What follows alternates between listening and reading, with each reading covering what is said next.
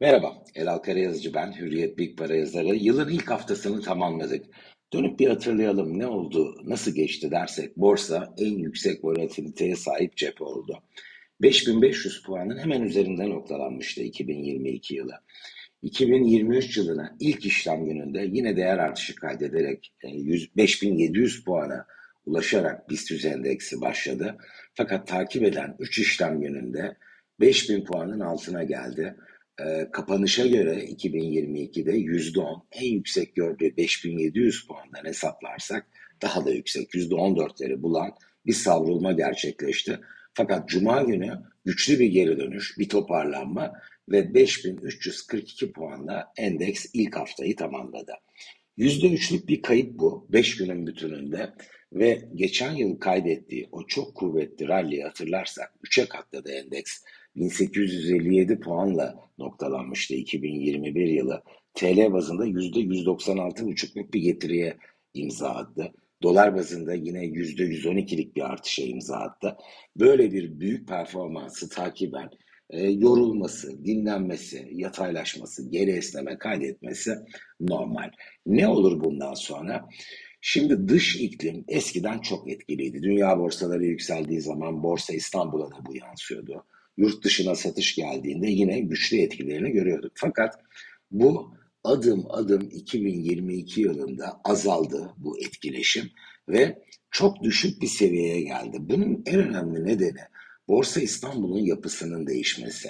Özellikle son 3-4 ayda çok sayıda yeni yatırımcı hisse senedi piyasasına geldi ve onlar küresel piyasaları çok fazla takip etmiyorlar. Hatta hiç takip etmiyorlar diyebilirim. Ee, daha amatör yatırımcı diyebileceğimiz bir kesit. Kararlarında bir varlığın ucuz olup olmaması, işte ileriye yönelik beklentiler bunlar pek etkili değil. Nasıl gittiği önemli.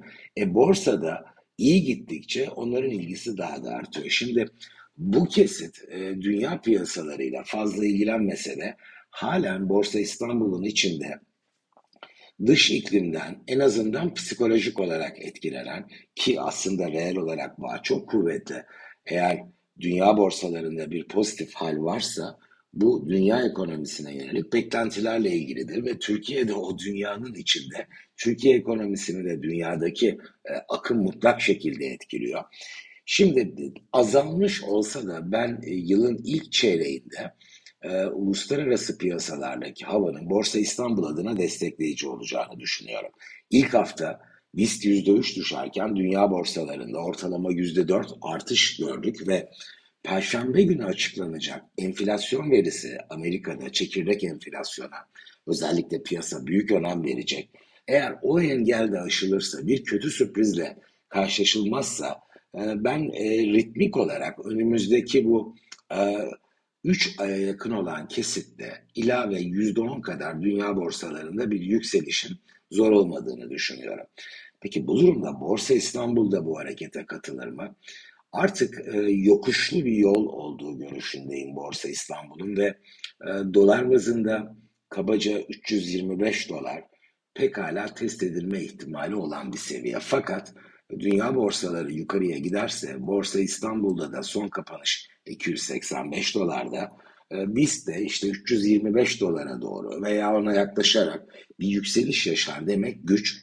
Çünkü o çok etkili olan bireysel yatırımcıların e, geçen hafta yaşanan sert volatiliteden tedirgin olduğunu düşünüyorum. Sevmiyorlar mı artık borsayı? Bence sevmeye devam ediyorlar. Henüz bir e, panik oluşturacak, e, kaçalım biz borsa düşüyormuş da diyebilecekleri bir hal e, yok. Fakat girişleri frenleyebilecek bir faktör bu. Yeni katılımları e, ve Borsa İstanbul'u yeni yatırımcı katılımından mahrum olursa teknik olarak da ritimsel bir zayıflama içerisinde dünyada bir yükseliş yaşansa da buna katılmakta zorlanabilir. Neyle karşılaşabiliriz?